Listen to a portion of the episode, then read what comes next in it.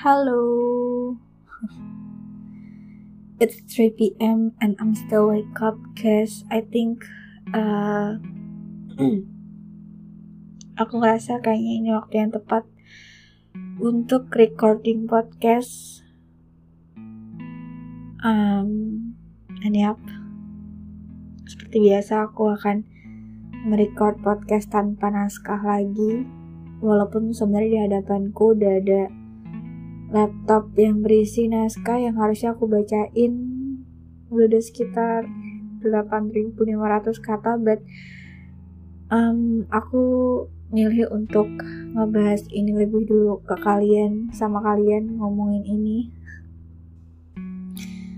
Cause uh, I think um, mentalku udah jauh lebih stabil perasaanku udah jauh lebih stabil sekarang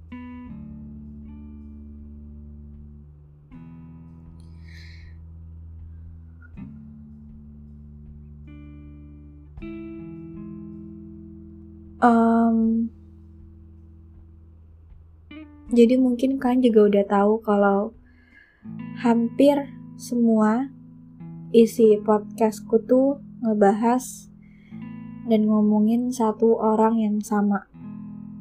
Yap, uh, si tokoh Raka dalam cerita yang kutulis Curse on You. Um, I don't know how to start it, but mungkin kalau hmm, disuruh untuk ngomongin dari awal itu kayaknya terlalu terlalu panjang.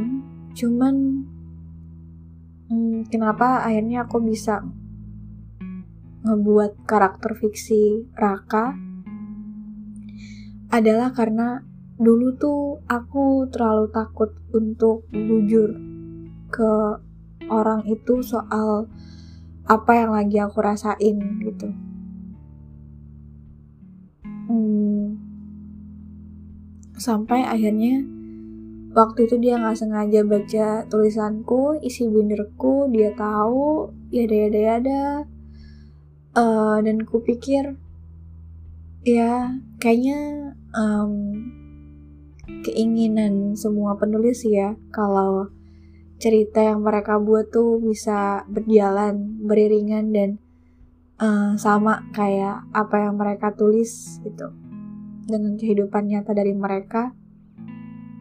Tapi kadang uh, penulis tuh lupa kalau apa yang mereka tulis itu cuman uh, berbagi kata diksi yang dijadikan sebagai satu kalimat dan itu semua tuh fiksi gitu cuman khayalan aja gitu. That's why waktu ceritanya berakhir, aku bilang ke dia kalau uh, semoga hubungan kita tuh nggak beneran ber berakhir dan semoga uh, cerita aku sama dia nggak cuman selesai sampai di kata di end di trilogi aja gitu. Um, aku aku tuh tipe orang yang susah sebenarnya untuk mulai jatuh cinta sama orang baru lagi. Itu dia kenapa ketika akhirnya aku dan Raka bisa uh, ketika dia bisa dengan mudah untuk cari orang baru, untuk mulai hubungan dengan orang baru, untuk mulai buat cerita baru lagi. Sedangkan aku masih stuck di kata ending itu ngebuat aku jadi mikir gitu. Ini aku yang terlalu lama stuck di sini atau dia yang kecepatan membaca setiap bab dari ceritanya sih gitu. Karena um, satu hal yang aku sadar kemarin jadi kemarin aku um, sempat uh, chattingan gitu sama salah satu uh, sahabat karibnya si tokoh utama ini. Uh, kenapa aku milih untuk uh, chattingan sama sahabat karibnya dia karena aku hubunganku sama uh, si tokoh utama ini sebenarnya udah apa ya bisa dibilang udah nggak gitu sehat walaupun sejujurnya aku nggak tahu apa yang bikin hubunganku sama dia jadi nggak sesehat itu tuh aku nggak ngerti gitu. Uh, bahkan di akhir tahun kemarin bulan September berarti. Itu bulan September kita masih baik-baik aja aku masih ketemuan sama dia di cafe shop. Uh, terus setelahnya kita ngob masih ngobrolin banyak hal random dan kupikir dan kupikir setelah itu kita masih bisa temenan uh, kita masih bisa ber berhubungan as a friend. Ternyata ternyata dia milih untuk uh, mengakhiri semuanya secara sepihak. I will try to ask him untuk nanya ke dia uh, untuk minta penjelasan lebih lanjut apa sih sebenarnya masalah yang kita hadepin apa sih sebenarnya masalah atau penyebab dia jadi aneh gitu sikapnya karena aku beneran nggak ngerti sejujurnya sama apa yang apa yang um, jadi masalah di pertemuan terakhir kita gitu. Dan itu jadi alasan kenapa aku uh, milih untuk tetap bertahan selama um, berarti 8 bulan setelah bulan September kemarin. Enggak, September, Oktober, November, Desember, Januari, Februari, Maret, April, Mei, Juni. Iya, 8 bulan aku milih untuk bertahan dan aku mikir kayak mungkin uh, kemarin dia butuh waktu karena sebelumnya dia juga lagi uh, ada di fase-fase terberat dalam hidupnya dan aku berusaha untuk ngerti itu makanya aku pikir oke okay, I think uh, he needs uh, more space tapi ternyata itu bukan jawaban. Uh, bahkan di 8 bulan kemarin tuh aku juga sambil mikir gitu apa ya? gitu apa ya kira-kira hal yang bisa buat aku untuk um, belajar ikhlas dan lepas dari dia tuh apa ya? gitu. Karena kan katanya uh, cara lain dari move on selain mulai hubungan sama orang baru kan benci ya. Paling nggak uh, harus ada satu hal yang uh, lo benci dari dia dan itu ngebuat lo jadi semakin cepat untuk ngelupain dia gitu. Terus aku mikir apa ya? Apa ya? gitu. Karena uh, waktu itu aku aku merasa belum ada hal yang yang ngebuat aku benci dan marah sama dia gitu. Walaupun mungkin kata teman-temanku tuh kayak lo tuh kenapa sih da gitu dari sekian banyak orang dari sekian banyak cowok kenapa masih raka? Gitu kenapa harus raka? Dan kenapa selalu raka? I don't know. Sampai akhirnya malam itu uh, ketika aku chattingan sama sahabatnya dan uh, aku tahu um, jenis ketikan sahabatnya itu dan jenis ketikan dia omongan dia aku tahu itu dan aku rasa waktu itu mungkin uh, si sahabat karibnya dia ini lagi lagi bareng-bareng juga sama dia. Terus uh, aku bilang semua semua hal yang aku pengen bilang ke Raka dan aku nggak bisa sampai itu dan aku sampaikan akhirnya ke sahabatnya. Terus jawaban sahabatnya saat itu membuat aku mikir kayak, wah, ternyata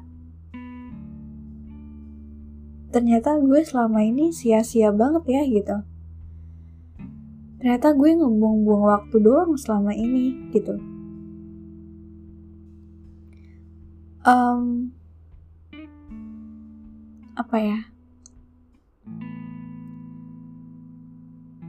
akhirnya aku nemuin satu alasan yang sekarang buat aku kayak oke okay, it's time to go.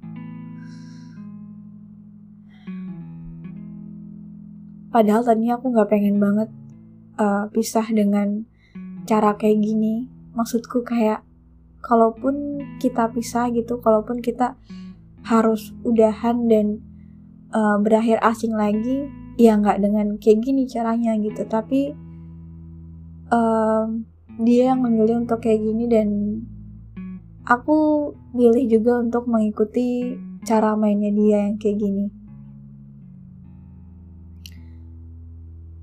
ini untuk pertama kalinya aku pengen bilang kalau Raka adalah laki-laki paling pengecut yang pernah aku kenal. Iya. Karena dari um, 6 tahun sama dia, 6 tahun kita kenal, 5 tahun kita deket, setiap ada masalah tuh uh, dia nggak pernah mau untuk duduk sama-sama nyelesain masalah itu bareng-bareng dan dia selalu milih untuk kabur. Kabur dari semua masalah sampai dia merasa tenang untuk beberapa waktu dan dia baru balik lagi. Tadinya pikir itu cara dia, bentuk dia menyelesaikan masalah, tapi I think that's uh, not worth it for me, for us. Karena menurutku kalau kayak gitu tuh bukan ngelesain masalah tapi cuma numpuk masalahnya. Karena kita nggak pernah benar-benar tahu apa jalan keluar yang harus uh, dipakai untuk ngelesain masalah itu gitu.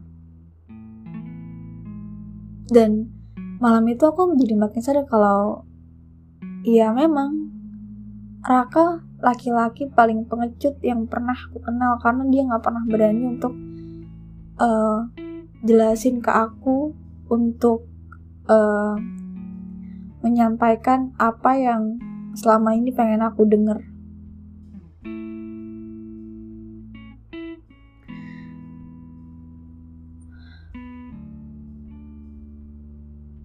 Tapi um,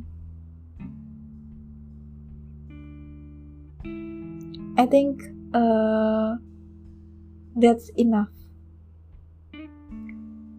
Karena setelah ini, aku cuma pengen gak ada lagi uh, Kela selanjutnya atau gak ada lagi korban kayak aku selanjutnya yang dia perlakukan gitu.